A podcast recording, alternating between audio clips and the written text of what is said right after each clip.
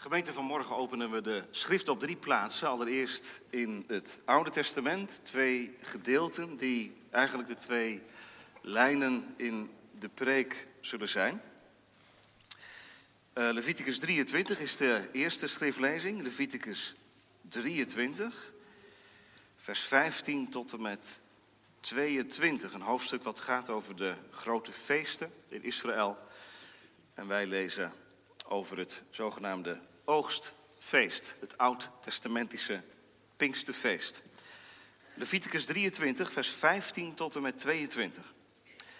Waar de Heer tot Mozes zegt, u moet dan vanaf de dag na de Sabbat gaan tellen, vanaf de dag dat u de schoof van het beweegoffer gebracht hebt. Zeven volle weken zullen het zijn. Tot de dag na de zevende Sabbat moet u vijftig dagen tellen. Dan moet u de Heer een nieuw graanoffer aanbieden. Uit uw woongebieden moet u twee broden meebrengen, bestemd voor een beweegoffer. Ze moeten van twee tiende eva meelbloem zijn, met zuurdeeg gebakken. Het zijn de eerstelingen voor de Heer. U moet dan samen met het brood zeven lammeren, zonder enig gebrek van een jaar oud, en één jonge stier, het jong van een rund, en twee rammen aanbieden. Ze zijn een brandoffer voor de Heer, met het bijbehorende graanoffer en de bijbehorende plengoffers. Een vuuroffer, een aangename geur voor de Heer. Verder moet u één geitenbok als zondoffer en twee lammeren van een jaar oud als dankoffer bereiden. De priester moet ze met het brood van de eerstelingen als beweegoffer voor het aangezicht van de Heere bewegen, met de twee lammeren. Ze zijn een heilige gave voor de Heere, bestemd voor de priester. U moet op diezelfde dag uitroepen dat u een heilige samenkomst hebt. U mag geen enkel dienstwerk doen. Het is een eeuwige verordening in al uw woongebieden, al uw generaties door. Wanneer u de oogst van uw land binnenhaalt, mag u de rand van uw akker bij het binnenhalen van uw oogst niet helemaal afmaaien. En wat van uw oogst is blijven liggen, mag u niet oprapen. U moet het laten liggen voor de arme en de vreemdeling. Ik ben de Heere, uw God.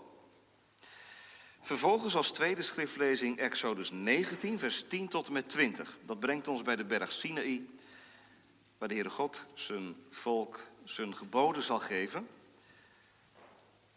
En hij verschijnt daar. En let u dan op de tekenen. Exodus 19, vers 10 tot en met 20. En de Heere zei tegen Mozes, ga naar het volk toe en heilig hen vandaag en morgen en laten ze hun kleren wassen en over drie dagen gereed zijn. Op de derde dag zal de Heere namelijk voor de ogen van heel het volk neerdalen op de berg Sinaï. U moet voor het volk een grens stellen rondom de berg door te zeggen, wees op uw hoede dat u de berg niet beklimt of ook maar de voet ervan aanraakt. Ieder die de berg aanraakt zal zeker gedood worden. Geen hand mag hem aanraken, want hij zal zeker gestenigd of met pijlen doorschoten worden. Of het nu een dier of een mens is, hij mag niet blijven leven. Pas als de ramshoorn een langgerekte toon laat horen, mogen zij de berg beklimmen. Toen daalde Mozes van de berg af naar het volk en hij liet het volk zich heiligen en zij wasten hun kleren. Hij zei tegen het volk, wees over drie dagen gereed en nader niet tot een vrouw. En het gebeurde op de derde dag, toen het morgen werd, dat er op de berg donderslagen, bliksemflitsen en een zware wolk waren. En zeer sterk bazuingeschal, zodat al het volk dat in het kamp was beefde. Mozes leidde het volk uit het kamp, God tegemoet. Zij, zij stonden onderaan de berg. De berg Sinaï was geheel in rook gehuld, omdat de Heere er in vuur neerdaalde.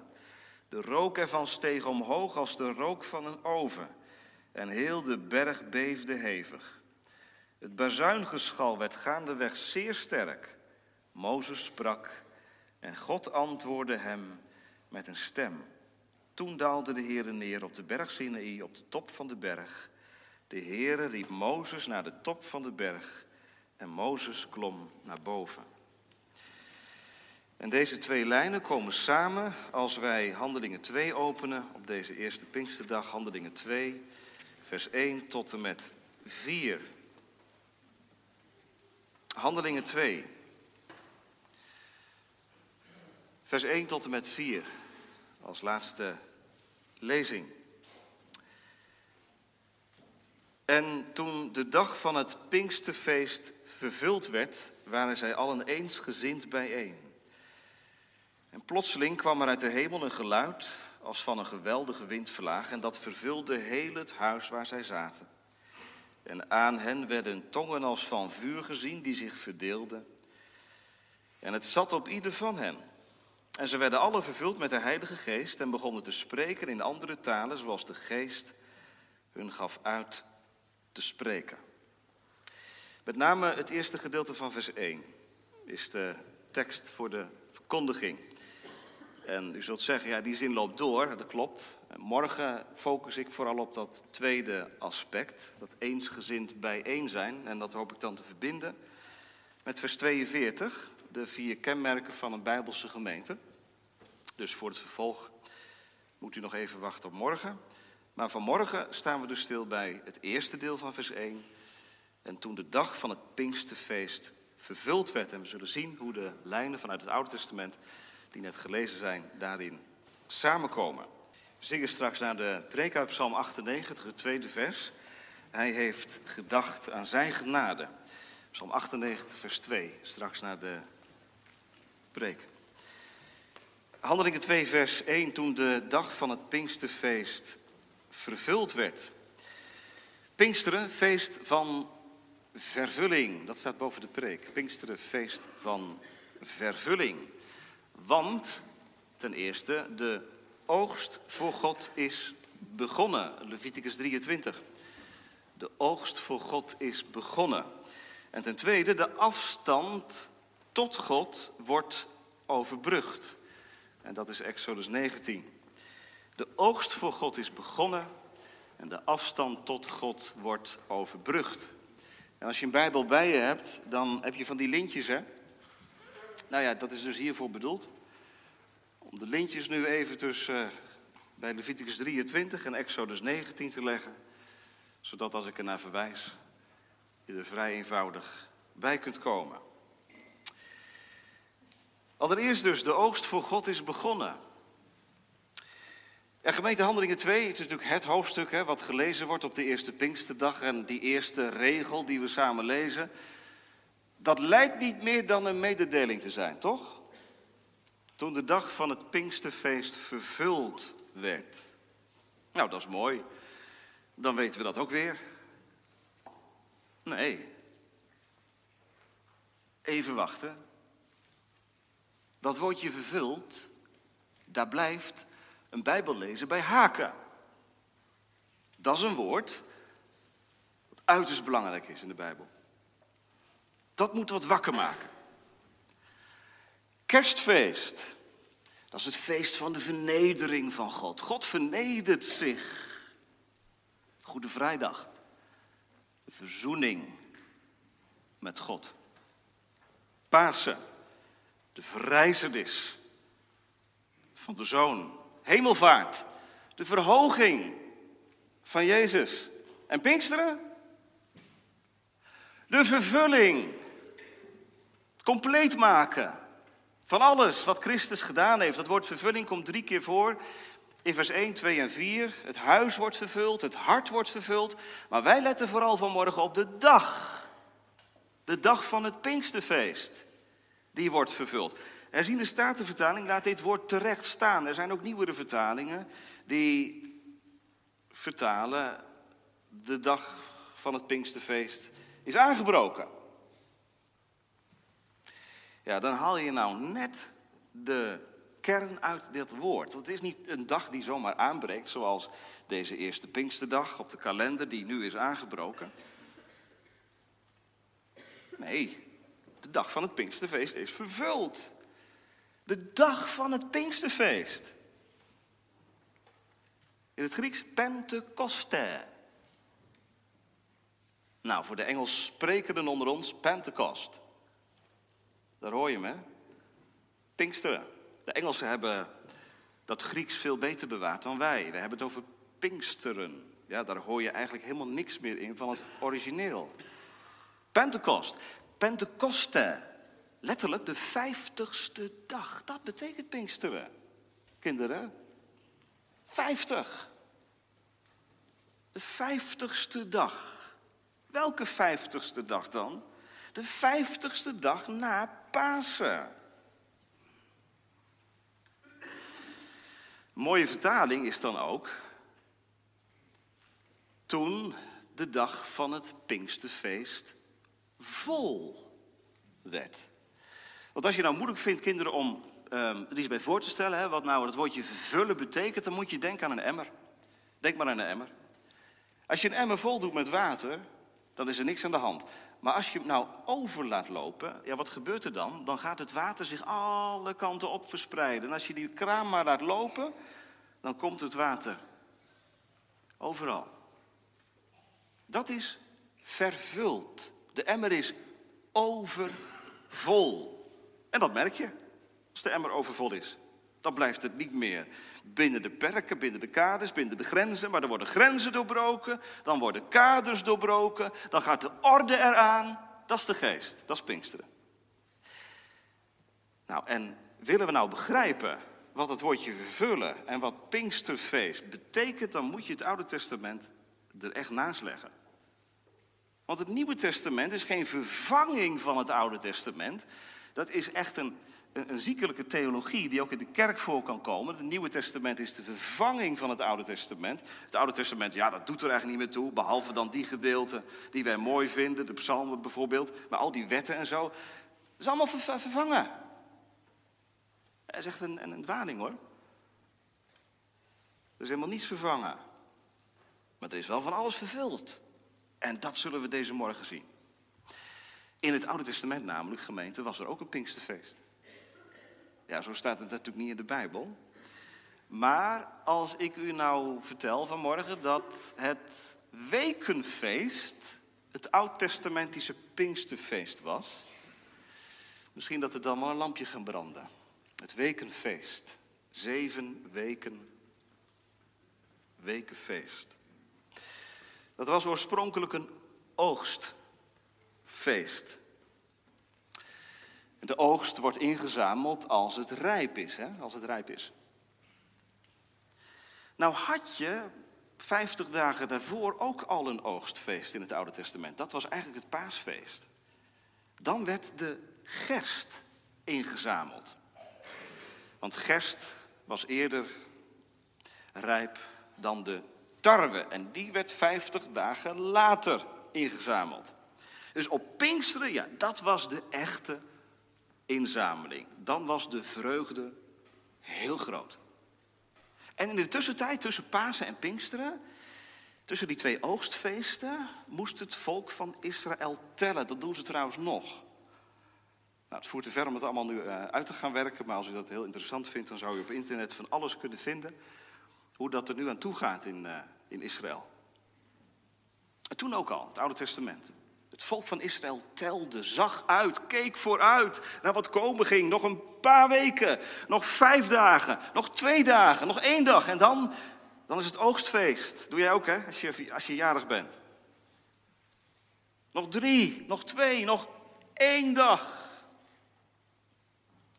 En dan is het zover. En dan ben je vrolijk. Nou, dat was Israël ook. We hebben het niet gelezen.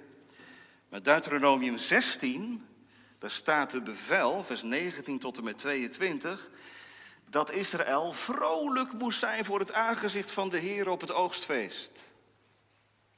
Dus mocht er nou iemand denken, ja, nou, ik heb, ben helemaal niet in de stemming om vrolijk te zijn, ik heb genoeg aan mijn hoofd, dan zei de Heer tegen het volk, ja, maar u moet vrolijk zijn. Wees vrolijk. Zie naar de oogst. Zie hoe ik u zegen. Goed. Wat gebeurde er op de vijftigste dag in het Oude Testament? Dat lezen wij in Leviticus 23, vers 17 en vers 20. Eh, Uit uw woongebieden moet u twee broden meebrengen, bestemd voor een beweegoffer. Wat is dat nou? Twee broden, beweegoffer. Dan stel je nou voor dat ik in mijn handen twee broden heb. Hè?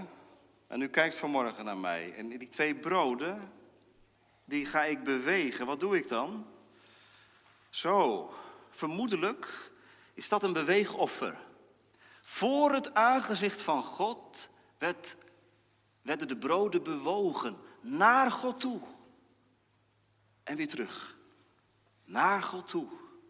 Het komt bij u vandaan. Soeverein. En we ontvangen het als genadegave uit uw hand. Mooie symboliek, vindt u niet? Bewegen. Dat is een beweegoffer. Want die oogst, dat was nou allemaal genade. Natuurlijk, de agrariërs deden hun werk. Er werd gezaaid. De akker werd onderhouden, natuurlijk. Maar zonder de zegen van de Heer groeide er helemaal niets.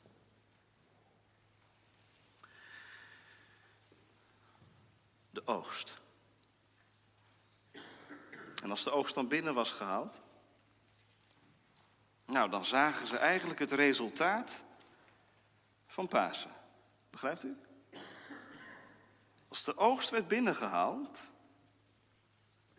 was dat het resultaat van wat eerder gedaan was, namelijk zaaien. Denk eens even aan, ik maak nu een hele grote stap misschien, maar denk eens even aan wat de Heer Jezus zegt over zichzelf. Dat hij als een graankorrel in de aarde gezaaid moet worden, moet sterven en eruit opstaan om vrucht voor te brengen. Oogst voor te brengen.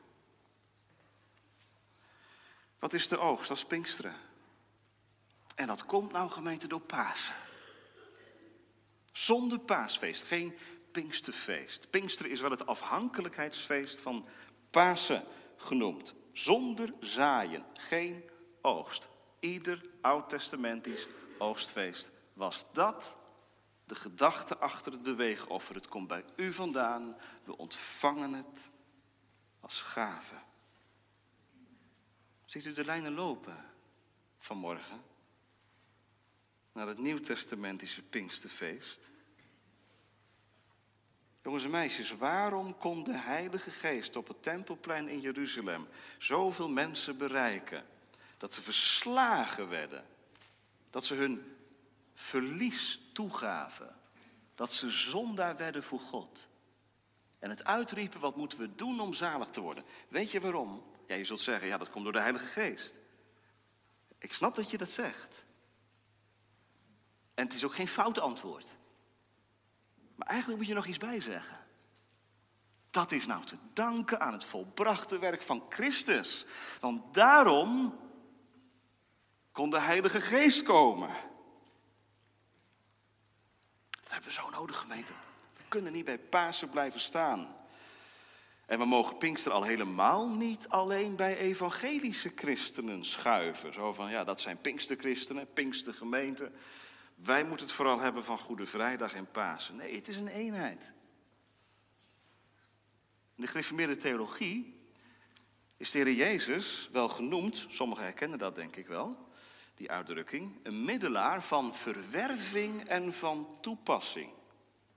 Een middelaar van verwerving en van toepassing.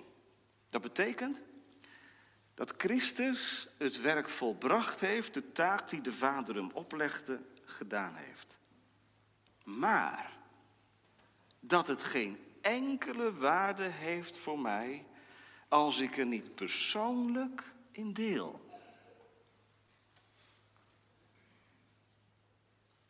Laat ik het even toelichten met een tekst uit de Bijbel. Stel nou dat het in de Bijbel had gestaan, jonge mensen. God heeft de wereld zo lief gehad dat hij zijn zoon gegeven heeft. Nou, dat staat in de Bijbel, dominee. Ja, het staat in de Bijbel, maar de tekst gaat verder, toch? Er staat niet alleen God heeft de wereld zo lief gehad dat hij zijn enige geboren zoon gegeven heeft. Dat is natuurlijk geweldig. Dat is waar.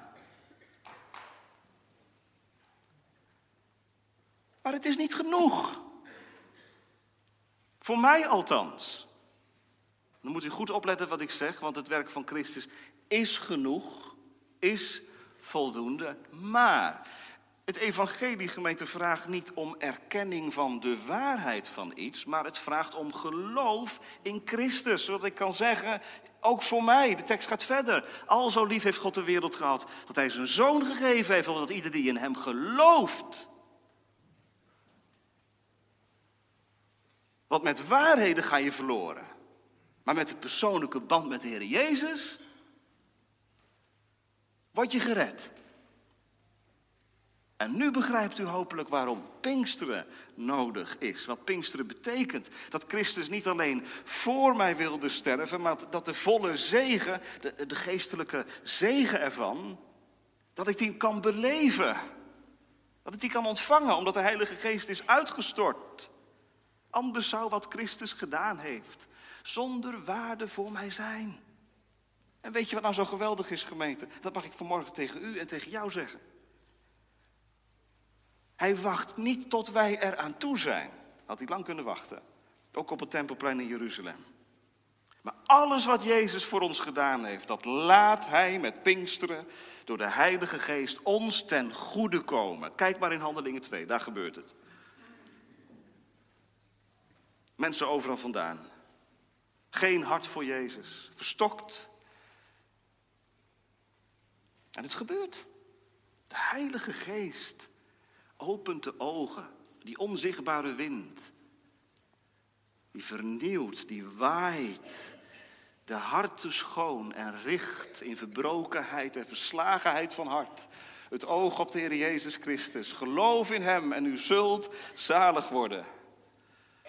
Niet alleen op het Pinksterplein of Tempelplein, maar ook vanmorgen in de Victorkerk. Gelooft u dat? Het hoeft niet opnieuw Pinksteren te worden, maar het kan toch wel Pinksteren worden voor jou. En voor mij en voor u. Vind je het lastig, jongens? Pinksteren? Denk, hoe kan ik nou voor jullie het nog iets dichterbij brengen?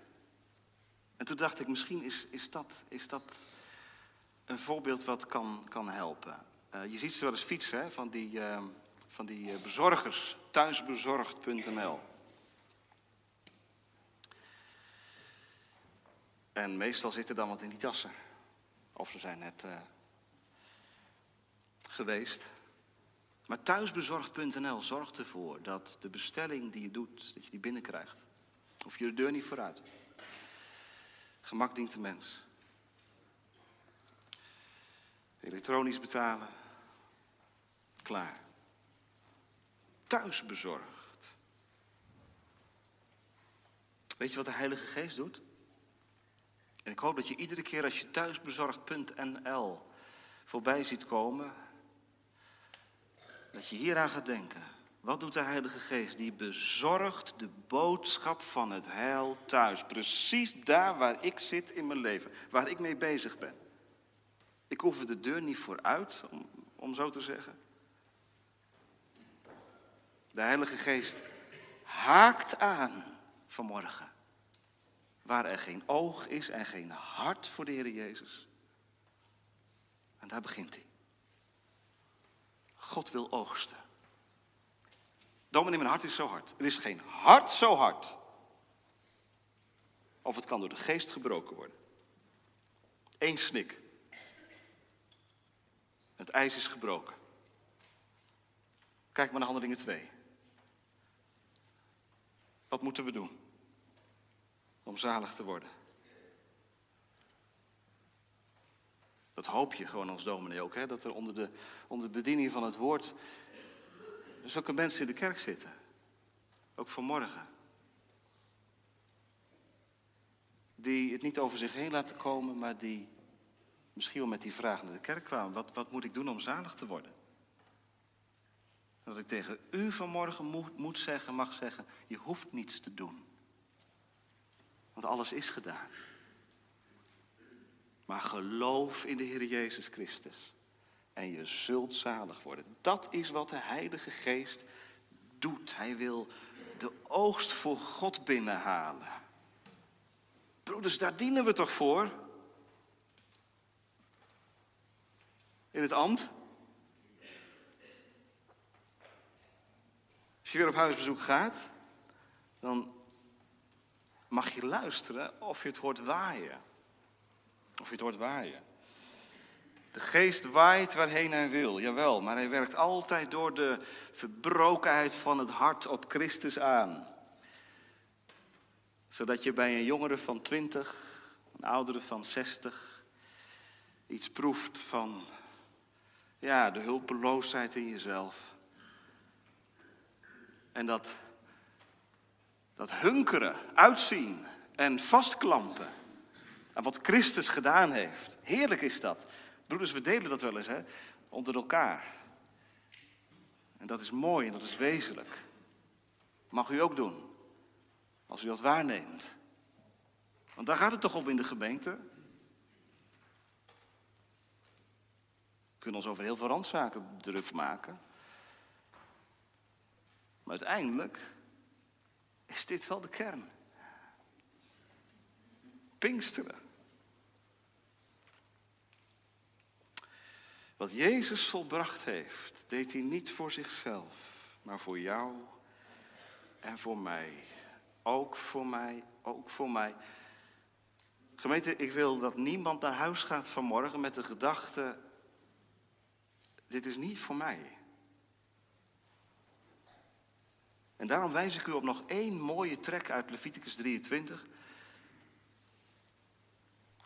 Uit vers 22.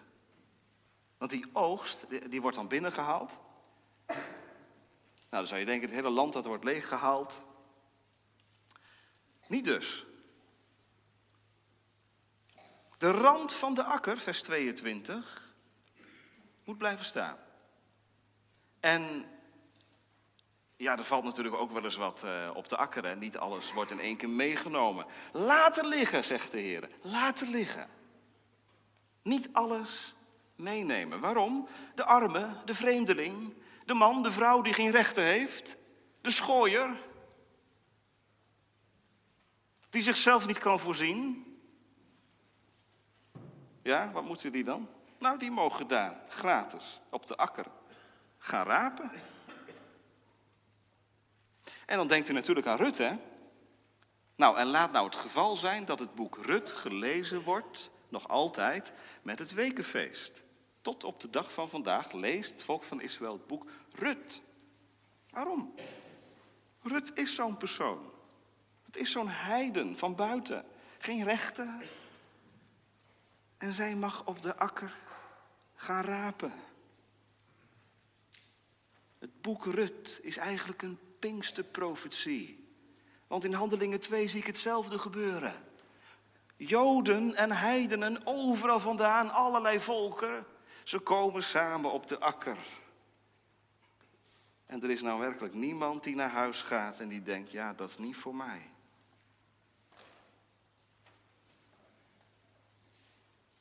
Het is duivels om te denken dat het niet voor jou is.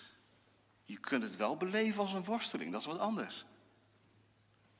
Dat je met alle bagage van vroeger uit misschien wel denkt, ja, maar het is nog altijd voor een enkeling. Nou, dan kom je in de knal met de Heilige Geest. Want de Heilige Geest is van de overvloed en van de royaliteit. Is niet van de karigheid. En Leviticus 23 is een hele duidelijke onderstreping daarvan. De oogst is ook voor de schooier.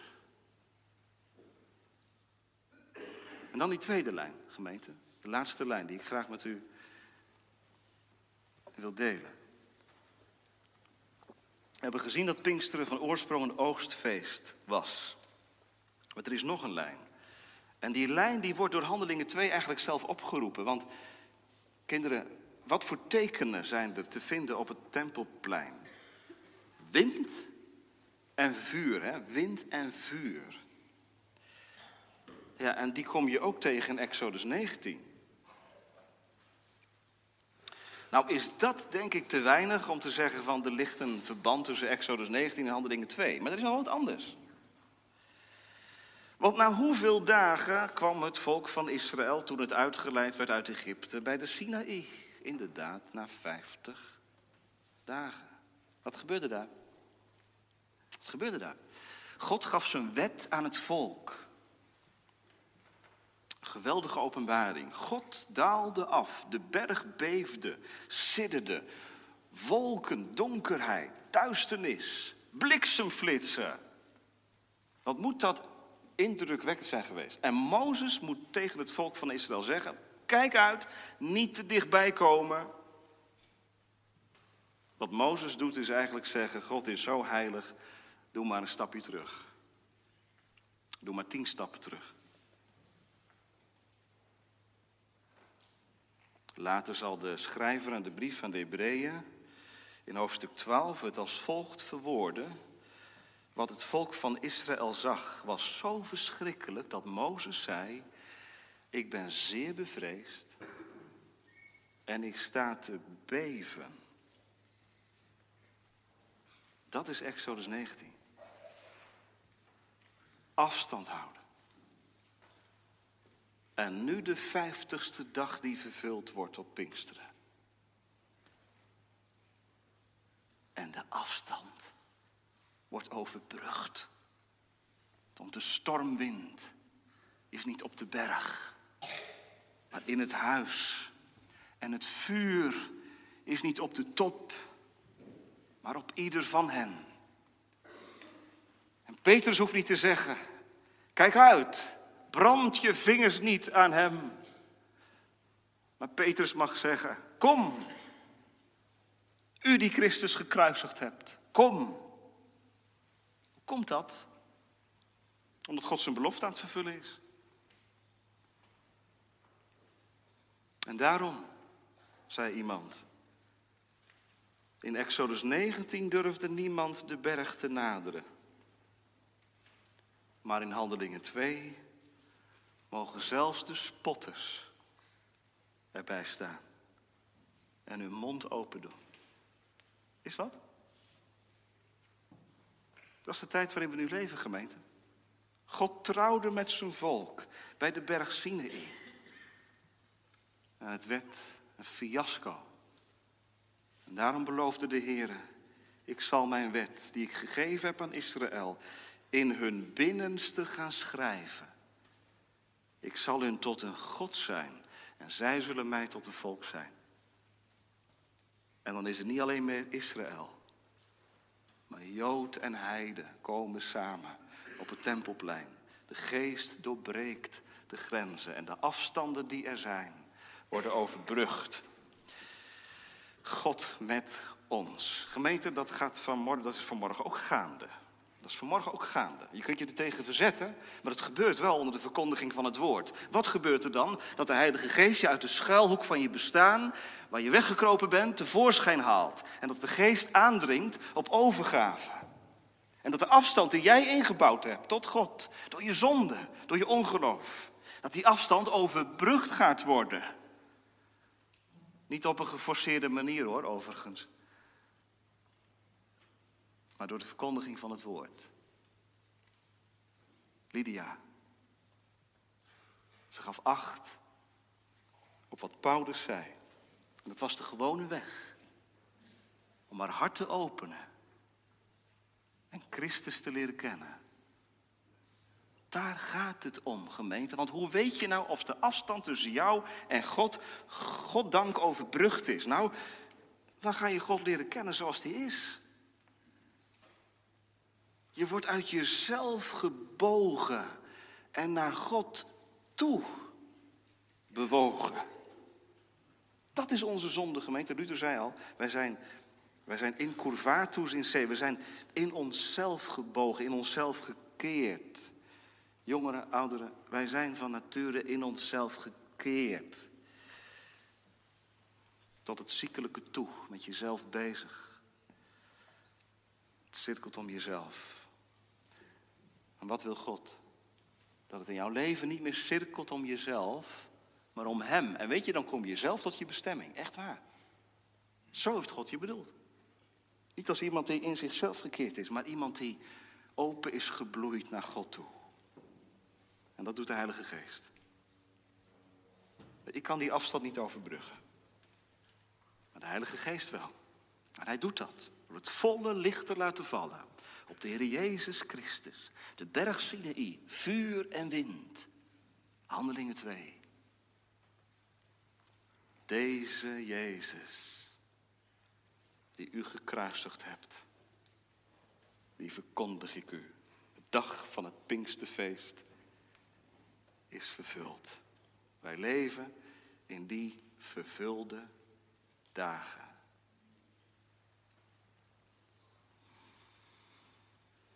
En wat wil God gemeente vanmorgen hier in de Victorkerk bij u en bij jou?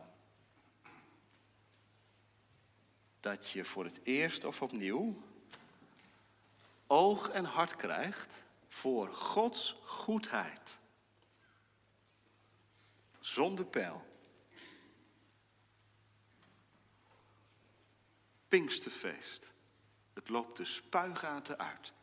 Alle orde wordt doorbroken. Verslagen van hart. Daalt de Heilige Geest als regen neer. God is zo royaal gemeente. Als je daar één procentje van ziet. Eén procentje. Dat is genoeg om je leven te veranderen. God houdt niet meer achter. Hij heeft zijn zoon gegeven met kerst. Hij heeft hem opgewekt met Pasen. Zou hij ons met hem niet alle dingen schenken? God heeft niets meer weg te geven dan dit. Zijn zoon gaf hij, zijn geest stortte hij uit. Hij heeft gedaan wat hij kon. En nu dringt hij aan. Liefdevol. En ook wel met klem. Op die hartelijke keus voor hem. Ik hoef niet meer te wachten op een boodschap uit de hemel. Maar ik mag het doen met het woord en mijn vinger leggen bij die vervulling in Handelingen 2, vers 1. Het is vervuld. Het is vervuld. Ook voor mij? Ja, als je instemt met alle christenen, overal in de wereld en door de eeuwen heen, die gezongen hebben. Hij heeft gedacht aan zijn genade, zijn trouw, aan Israël nooit gekrenkt. En ik heb het ook gezien. Ik heb het ook gezien. Ik ben ook oog en oorgetuige geworden van zijn genade. Oog en hart voor Jezus Christus. Dan komt de geest aan zijn eer en de vader aan zijn eer en de zoon aan zijn eer. Als je met Christus als schat naar huis gaat. Pinksteren. Wat een geweldig feest, gemeente. En er is blijdschap in de hemel. Vanmorgen. Over die zondaar die zich bekeert. En over dat kind van God. Dat opnieuw al zijn vreugde in Jezus vindt. Amen.